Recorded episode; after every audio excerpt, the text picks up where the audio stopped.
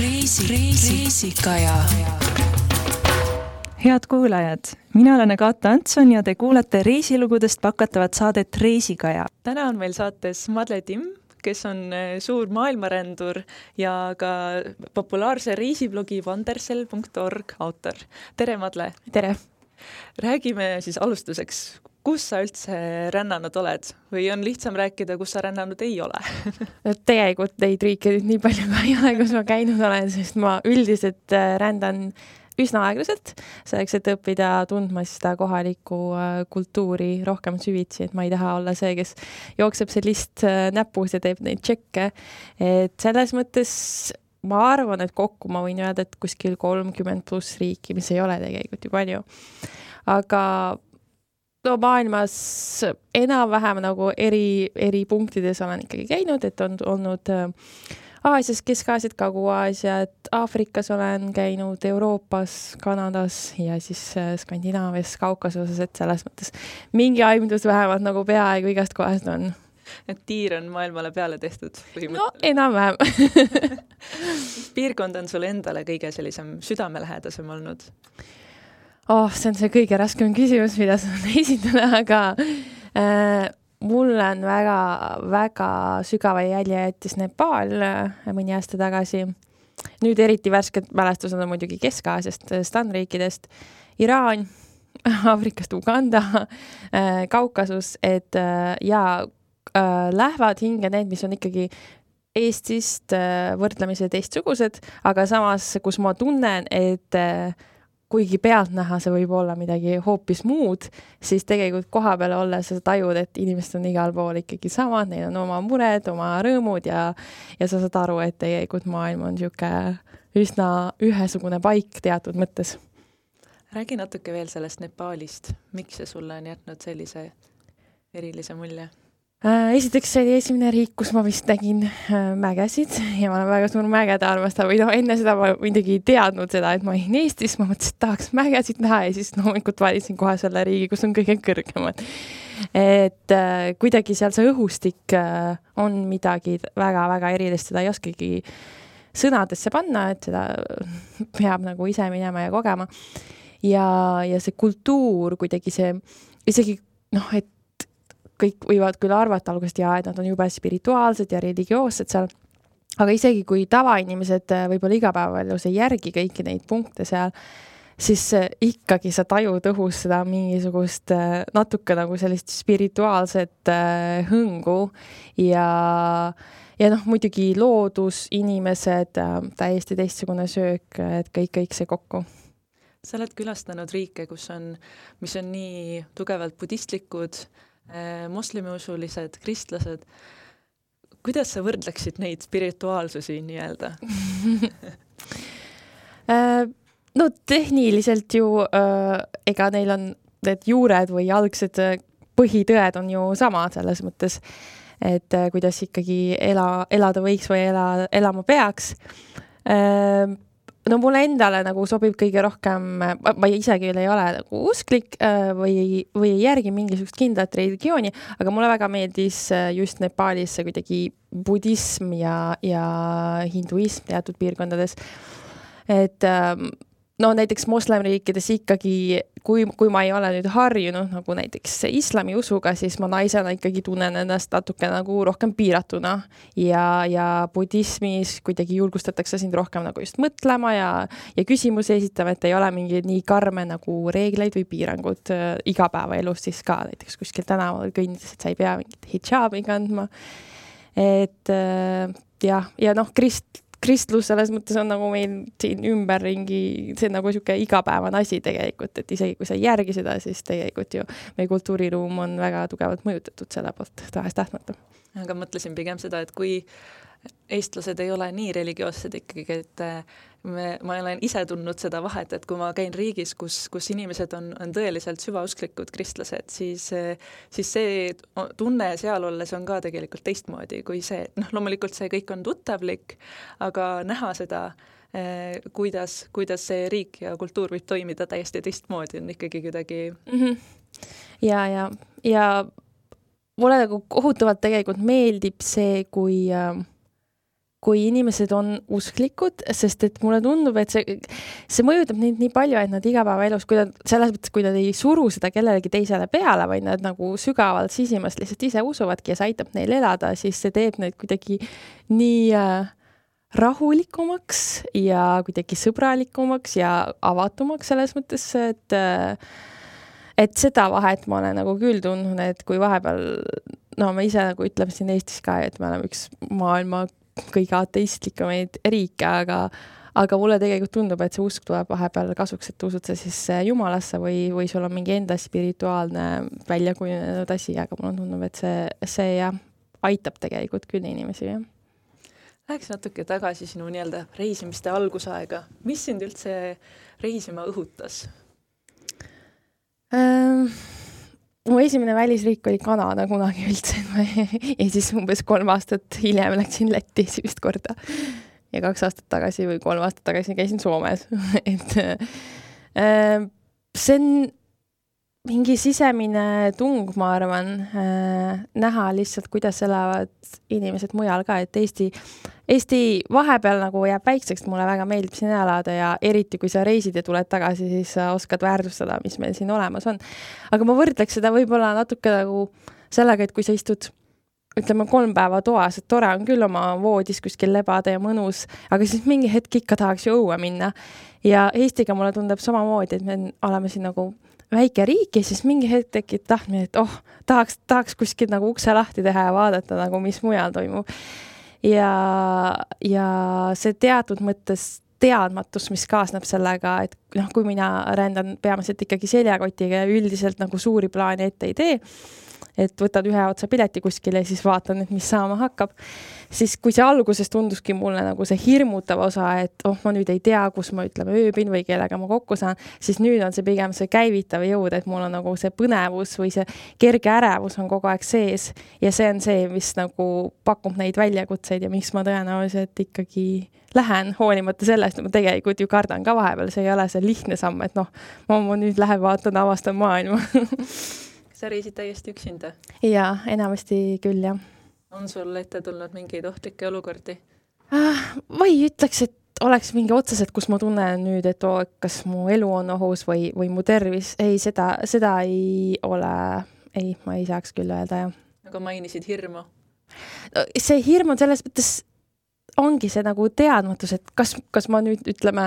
kell on ütleme üksteist õhtul, ma olen kuskil võõras linnas ja see on pigem see, et kas ma nüüd pean otsima mingi pargi mingi, ütleme, noh, see on täiesti nagu äärmus magamiseks või, või ma leian selle nagu hosteli näiteks üles. et see ei ole nagu mingi niisugune nagu halvav hirm, vaid see ongi see, et kas ma saan nagu hakkama ja seni oled saanud no jõudsin otsapidi Eestisse tagasi, nii et tundub, et läks hästi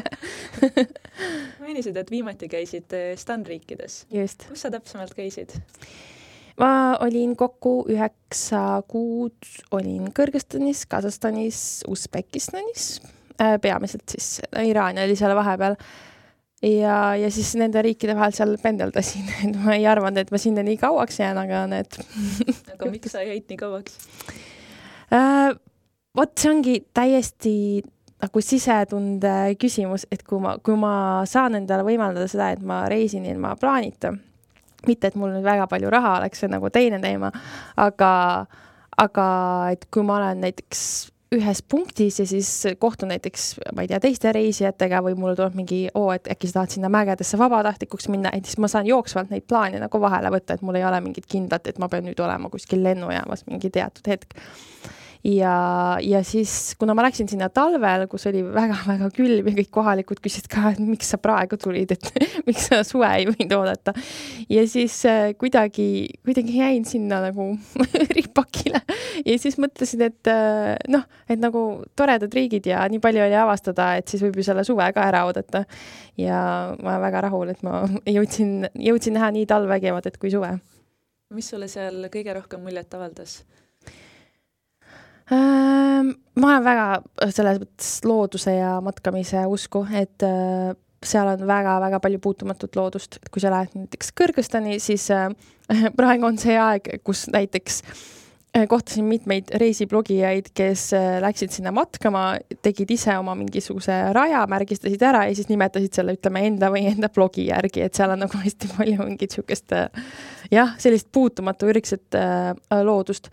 Ja see ei ole väga turistlik piirkond, et ma üldiselt üritan valida mingit piirkonda, millel, kus jah, ei ole nagu väga palju mingeid ma ei tea, horde ja, ja millest väga palju inimesed ei tea või mille kohta neil on nagu kerged hirmud, et aa, et kas see on ikka turvaline, et noh, loomulikult ma ei roni kuskile väga mingi pommiaukudesse, aga, aga need riigid, ma mõnes mõttes tahan nagu purustada ka neid stereotüüpe, et, et seal ei ole nüüd turvaline reisida, et käisin, olin üheksa kuud üksi naisena seal ja võin öelda, et võib minna küll jah, ei ole midagi hullu räägime natuke veel sellest loodusest. ma arvan, et eestlased üldiselt on sellised suured loodusarmastajad et eh, kuhu võiks minna nüüd siis TAN riikides, kui tahadki minna loodust avastama ja seda puutumatust kogema? Äh, siis ma esmajoones soovitan äh, Kõrgõzstani, äh, seal on väga palju matkaradasid ja seal ongi niimoodi, et, et pigem on see, et et seal ei ole nagu nii, et sa lähed, ütleme, võtad mingisuguse kaardi ette, igal pool on mingid viidad väljas, et sa pead vahepeal tõesti otsima neid väikseid märgikesi, mis keegi on jätnud kuskile, et kust siis nagu on õige koht ära pöörata.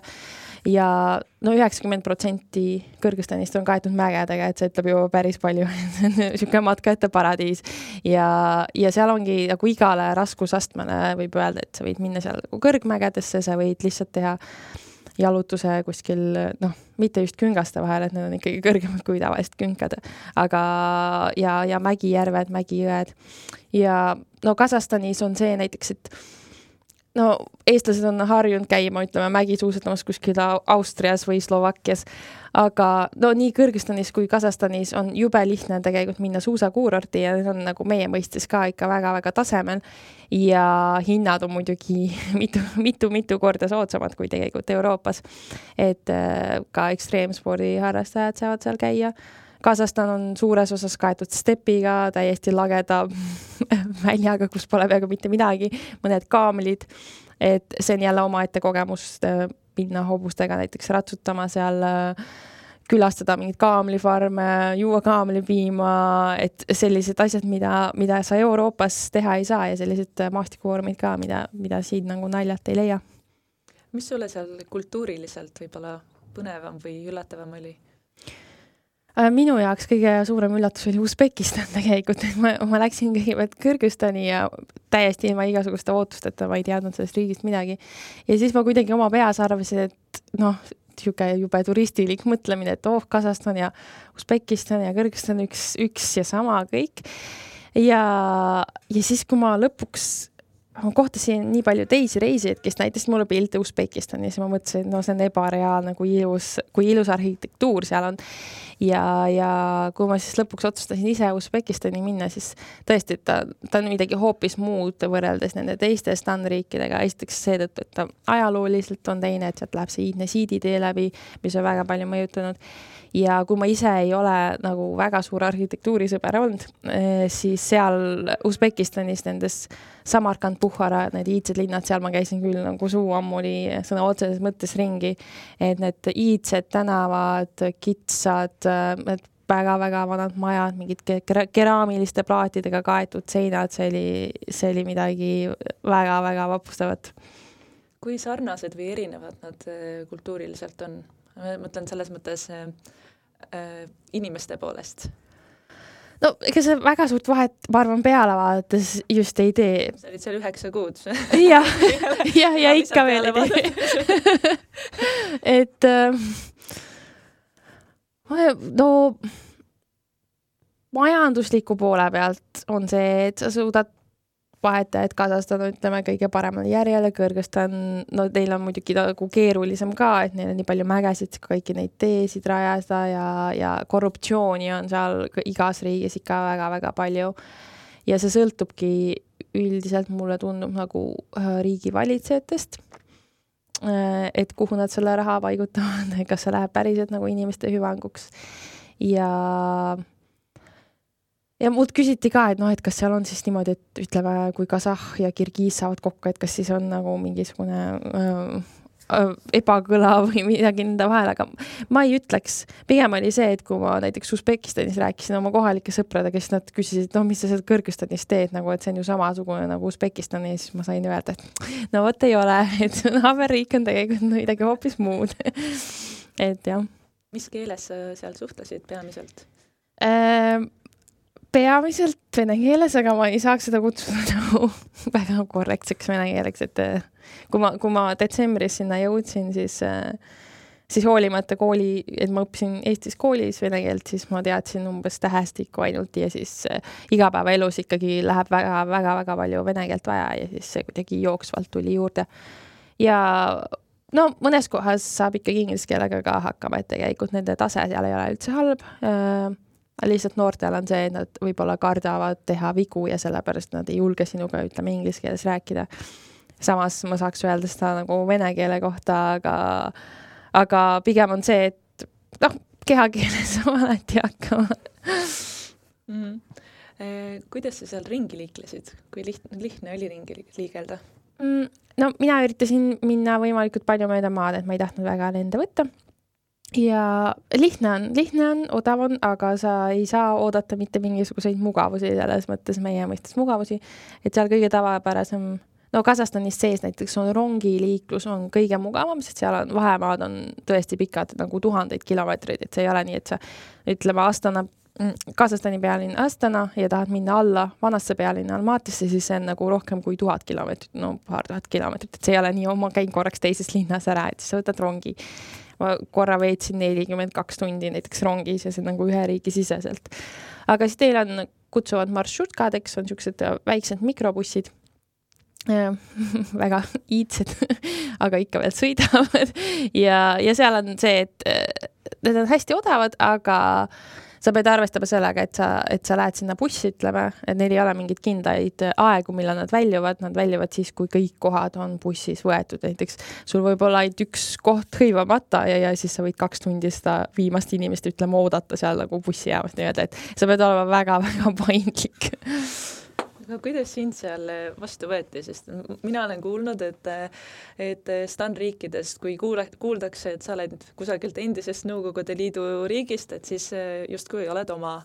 kas, kuidas, kuidas sina seda tunnetasid? Ja see see oli küll, noh, mõnes mõttes ikka väga tore, et kui sa ütlesid, et sa oled Eestist, siis kõik ütlesid, oo Eesti ja eriti vanemad inimesed ütlesid jaa, et ma siis kunagi käisin Tallinnas või kunagi käisin Pärnus suvitamas. et see oli hästi vahva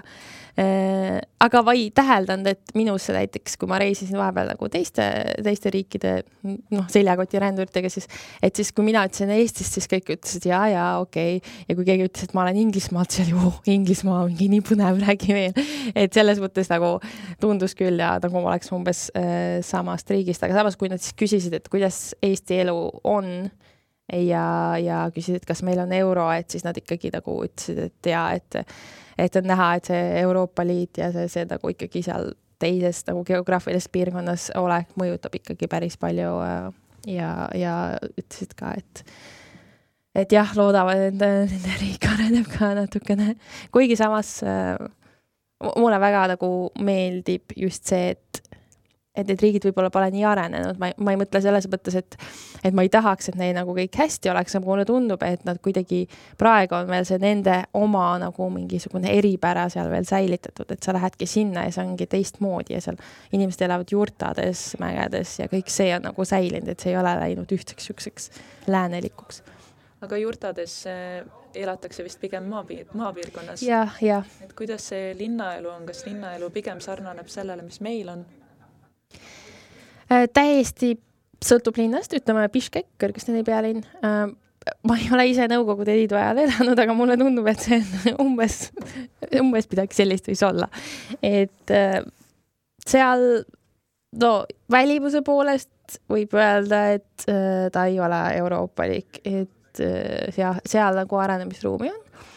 aga samas, kui minna näiteks Kasahstani Almatisse, siis see on absoluutselt nagu mingisugune Euroopa ilus, uhke, roheline linn, sama Usbekistani pealinna Taškentiga. kõik moodsaid maju täis, ei ole mitte midagi sellist, et oh, sa lähed kuskil ajas tagasi, ei. aga kuidas sa seal kus sa seal elasid, kuidas sa majutust leidsid, kuidas, kuidas sind vastu võeti? Äh, ma peamiselt olin vabatahtlik, äh, mis tähendab seda, et mulle anti tasuta ööbimine ja tasuta söök üsna tihti. kuidas sa neid vabatahtliku töid leidsid? on üks selline veebiplatvorm nagu workaway.info äh, ja seal sa saad üle maailma otsida, igas riigis on väga palju, no peaaegu igas riigis kohti, on hostelid, on lihtsad perekonnad, tehakse mingisuguseid projekte ja siis sa saad valida endale, mis sulle sobib, kontakteerud selle, kes iganes see profiili omanik on ja lepid kuupäevad kokku ja siis lähed sinna, et mina töötasin päris mitmes äh, hostelis, tegin neile näiteks reklaamvideosid, sain selle eest siis tasuta söögi ja tasuta majutuse vastu. vahepeal õpetasin kuskil Mägikülas äh, õpilasi mm, inglise keelt, siis. Osalesin ühes filmiprojektis, et see on see, kuidas ma väga palju nagu enda kulusid kokku hoidsin ja samal ajal õppisin tundma seda kohalikku kultuuri siis nii nagu nagu need tavalised inimesed elavadki seal, et kui ma elasin koos perega näiteks äh, paar-kolm nädalat. et äh, ja, ja mägedes siis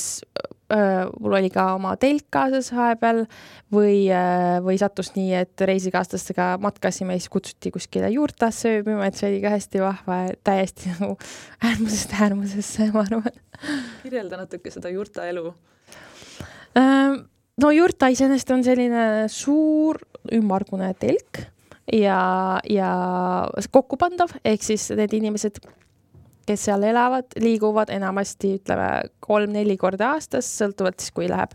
soojemaks, siis nad kolivad kõrgemale mägedesse, läheb külmemaks, siis nad kolivad kuskile külade ligidale oma juurtadega ja terve pere elab siis seal koos. ajalooliselt juba ongi need rahvad on nomaadliku elustiiliga ja enamasti neil on mingid kariloomad juurta sisemus ise on väga-väga lihtne, sul on seal mingid madratsid, äh, mis siis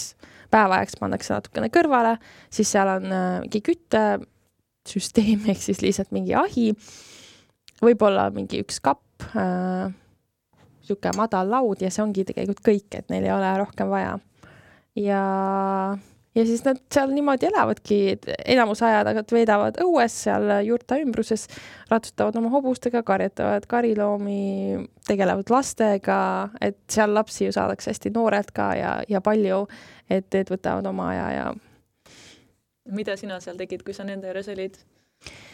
Kui ma nende juures olin, siis see oligi niimoodi, et me matkasime ja ütleme, mingi õhtu hakkas vihma sadama, küsisime, kas me tohime korraks sisse tulla asju kuivatama ja siis jäime kuidagi sinna. et äh, ma vabatahtlikuna nagu kuskil juurtas ei töötanud, ma ei tea, kas nad oleks osanud mulle mingit tööd anda, sest mingi hobust ei oska lüpsta, no nad joovad seal hobusepiima hästi palju. et ma arvan, et see üks-kaks ööd nagu niisama seal olla oli lihtsalt niisugune huvitav kultuuriline kogemus aga kuidas niimoodi reisides üldse äh, nii Stani riikides kui ta, kui sa, kui ka mujal, äh, kuidas sa nende erinevate toitudega hakkama saad? eks ma, ma ise arvan, et ma adapteerun üsna kiiresti äh,, aga mingi hetk on küll see tunne, et ütleme nendes jälle nendes stanriikides on see, et nad söövad hästi palju liha ja nad söövad ka hobuseliha, mis noh, alguses nagu su peas tekitab sellise väikse konflikti ja, ja ma ise eelistan tegelikult üldse alati taimetoitu, aga noh, Kesk-Aasias see on, ta ei ole võimatu, aga ta on raske. ja siis noh, mingi hetkel lihtsalt äh, lihtsalt äh, üritadki ise kokata nii palju kui võimalik, isegi kui sul nagu tänavatoit võib olla tihti odavam kui see, et sa ise ostad poest või turu pealt mingeid asju ja kokad. aga lihtsalt äh, jah see harjumus või see, millega sa ikkagi Eestis oled harjunud, et see nagu mingi hetk saab su kätte, kui see, kui see toit on tõesti nagu väga erinev. aga üldiselt äh, ma pigem nagu naudin seda, kui ma, kui ma saan süüa nagu see, nii nagu kohalikud päriselt söövad, aga vahepeal tekib ikka see euroopalik tunne jah, seda enam, et kui sa oled kusagil vabatahtlikuna, siis sa saad toidu nende poolt, sa ei saa nagu valida. just, see, see on küll natuke keeruline, näiteks kui ma elasingi Kõrgõzstanis Mägikülas, siis äh, ma olin seal kolm nädalat ja, ja kui oli talv ja neil ei olnud ka mingisugust värsket kraami, siis äh, ja see pere tegelikult, kelle juures ma elasin, nad ei olnud mingid väga rikkad ka, ja, ja siis nende peamine söök oligi sai, nad ise küpsetasid saia ja aprikoosimoos, mille nad siis olid suvel keetnud. aga too kolm nädalat sai toitu saiast ja aprikoosimoosist ja siis ütleme õhtuti saad mingit niisugust väga rasvast mingit liha, riisirooga, et siis mingi hetk mu organism hakkas küll nagu streikima, et ei saa enam, ei jõua et siis oli küll, siis oli keeruline, aga noh, see ei olnud nagu nii pikalt, et ja, ja ma ikkagi üritan nagu austada ka äh, seda kohalikku, kelle juures ma elan, et ma ei hakka seal pirtsutama umbes, et aa, et ma nüüd olen harjunud ja tahaks seda mingit lõhet või salatit või midagi sellist, et see oleks ka nõme. aga kui sul, sa ütlesid, et organism hakkas streikima, mis sa siis tegid äh,? ta streikima nagu selles mõttes, et ma lihtsalt tundsin ennast jube-jube väsinuna kogu aeg, et mul ei, mul ei läinud nagu kuidagi seedimine korrast ära või midagi, aga lihtsalt nagu vitamiinipuudus tõenäoliselt ja, ja ma olingi seal, ütleme, kaks-kolm nädalat ja siis, siis, siis ma tundsin juba nagu ka vaimselt, et kuna, kuna ma olin ainult vabatahtlik selles külas ja ja mu vene keel ja nende inglise keel ja see suhtlus oli väga-väga keeruline, see lihtsalt võtab hästi palju energiat iga päev. et siis ma juba nagu kõik sai kokku, siis ma otsustasin, et äh, lihtsalt on nagu aeg järgmisse kohta edasi liikuda, et selles mõttes ma ju reisin üsna vabalt, et mul ei ole mingisugust lepingut, et ma pean nüüd kuskil nagu pikemalt olema. et siis ma lihtsalt läksin ära sealt, jah Äh, kas sul on, kui palju sul tuli selle reisi jooksul nüüd seal Stan riikides sellist tunnet, et, et tahakski täitsa ära äh, nagu sealt Stan riikidest tagasi Eestisse või? nii Stan riikidest tagasi Eestisse kui ka kindlast sihtkohast lihtsalt ära, nagu sa kirjeldasid, et sealt külast lõpuks tahtsid ära ähm,? eks ikka, selles mõttes, et äh, ma olen nagu oma kogemuse põhjal aru saanud, et mul on umbes kaks nädalat see piir, kus, kus ma tunnen, et äh, oh, nüüd ma õppisin nagu või sain enam-vähem nagu aimduse sellest ühest kohast, kus ma olen ja nüüd oleks nagu aeg edasi liikuda, et siis tekib niisugune mõnus surin nagu sisse, et oh, tahaks jälle teel olla, tahaks uue, nagu mingit uut kohta avastada. et seda ikka oli nagu pidevalt ja selle järgi ma tegelikult käitusin ja reisisin ja liikusingi. ja ütleme, Eesti igatsus natuke rohkem tuli pärast poolt aastat umbes aga see oli ka tõenäoliselt selle tõttu, et tegelikult äh, ma olingi, ma liikusin üsna aeglaselt seal Kõrgõzstanis ja, ja siis mingi hetk see nagu hakkas ennast ammendama. E, ja, ja siis ma mõtlesin, et Eestis olid nii mõnusad suveilmad ka et no Eesti suvi on ju jube mõnus ja siis ma mõtlesin, et, et parim aeg, kui ma üldse nagu nüüd tahaks sel ajal tagasi tulla, siis on, on suvi, et ma käitun üsna nagu sisetunde järgi selles mõttes. Kuidas seal ilm siis oli, kui sa võrdlesid, et Eesti suvi on nii mõnus, kuidas sealne suvi oli? Äh,? Sõltuvalt kohast, aga, aga ütleme, kui ma ära tulin Kõrgõzstanis, Biškekis oli pluss nelikümmend viis kraadi, vahepeal tõusis viiekümneni äh, ehk siis väga-väga-väga palav. ja mägede piirkonnas, kus ma siis üritasin terve aja nagu veeta sellest osast suve, mis ma seal veel olin, on niisugune mõnus kakskümmend viis, ütleme niimoodi et äh, ja sõltub täiesti kohast ja Usbekistan suvel on täielik nagu põrgu selles mõttes, et et on ikkagi nagu juba läheb sinna nagu pooleldi kõrbe. Mm. aga mis, mis ajal võiks üldse külastada Stanriiki, sa olid seal nii pikalt, mis on see kõige parem aeg? Äh, nagu külma ei armasta, ma ise olen nagu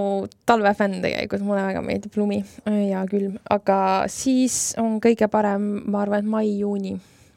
matkamiseks ja kõik selline jah, eestlasele nagu sobiv ja vihma ei saja väga palju või noh, ma ei julge lubada, võib-olla sajab aga ja, ja september-oktoober ka mm. -hmm. kas sul oli seal mingeid selliseid naljakaid olukordi ka, mille, mis sulle on nagu meelde jäänud sellise toreda loona? eks neid ikka üheksa kuu jooksul tekib ja mm, no ma võin välja tuua näiteks selle, kui ma pidin olema seal Kõrgõzstani Mägikülas, ma pidin minema vabatahtlikuks selle pere juurde lihtsalt tegema neile ka nagu reklaamfilmi, sest nad teevad turistidele mingeid hobumatkasid. ja kui ma sinna külla jõudsin, siis see pereema ütles, et no et kas sa tahad õpetada kahes koolis ka äh, inglise keelt või see ei olnud nagu isegi kas tahad, vaid see on õpetav ja siis, ja siis ma ütlesin, no jaa, et natuke kahtlesin, sest ma ei ole mingi õpetaja haridusega ja ikka inglise keeles ka teen vigu. Ja siis äh,, aga sain selle direktori ja inglise keele õpetajaga kokku, sain aru, et inglise keele õpetaja ise üldse ei räägi inglise keelt, et õpikust loeb seal ja vene keele baasil siis õpetab ja siis äh, leppisime selle õpetajaga kokku, et esimese tunni ma lihtsalt vaatan, et mis see õpilaste tase on ja kuidas ta üldse õpetab ja mingid nipid ja trikid ja ja siis astus, õpetaja astus siis klassi ette, ütles, et äh, tere hommikust, lapsed, et meil on siin vabatahtlik ja siis ütles, noh, Madle, võta siis üle ja siis ma olin seal mm, okei. ja, ja täiesti null ettevalmistust, seisin seal klassi ees, mõtlesin, et mis ma teen, siis minu õnneks tahvel oli jäetud puhastamata, siis ma jube viisakalt keerasin klassile selja ja hakkasin hästi aeglaselt seda tahvlit puhastama. ja siis selle aja jooksul nagu mõtlesin välja, nii, mida ma siis teen, kust ma alustan. et see oli hästi nagu, tegelikult nagu vahva, et siis mul oli küll natuke oli nagu paanika, aga, aga kõik sujus ja ja, ja kui alguses esimeses tunnis mul oli viisteist õpilast, siis päeva lõpuks mul oli nelikümmend, sest nad igas tunnis kuidagi jäi mingi punt nagu minu tundi veel edasi. Et see oli hästi vahva. Kasahstanis meil oli, meil oli äh, äh, probleem sellega, et me mingi hetk sattusime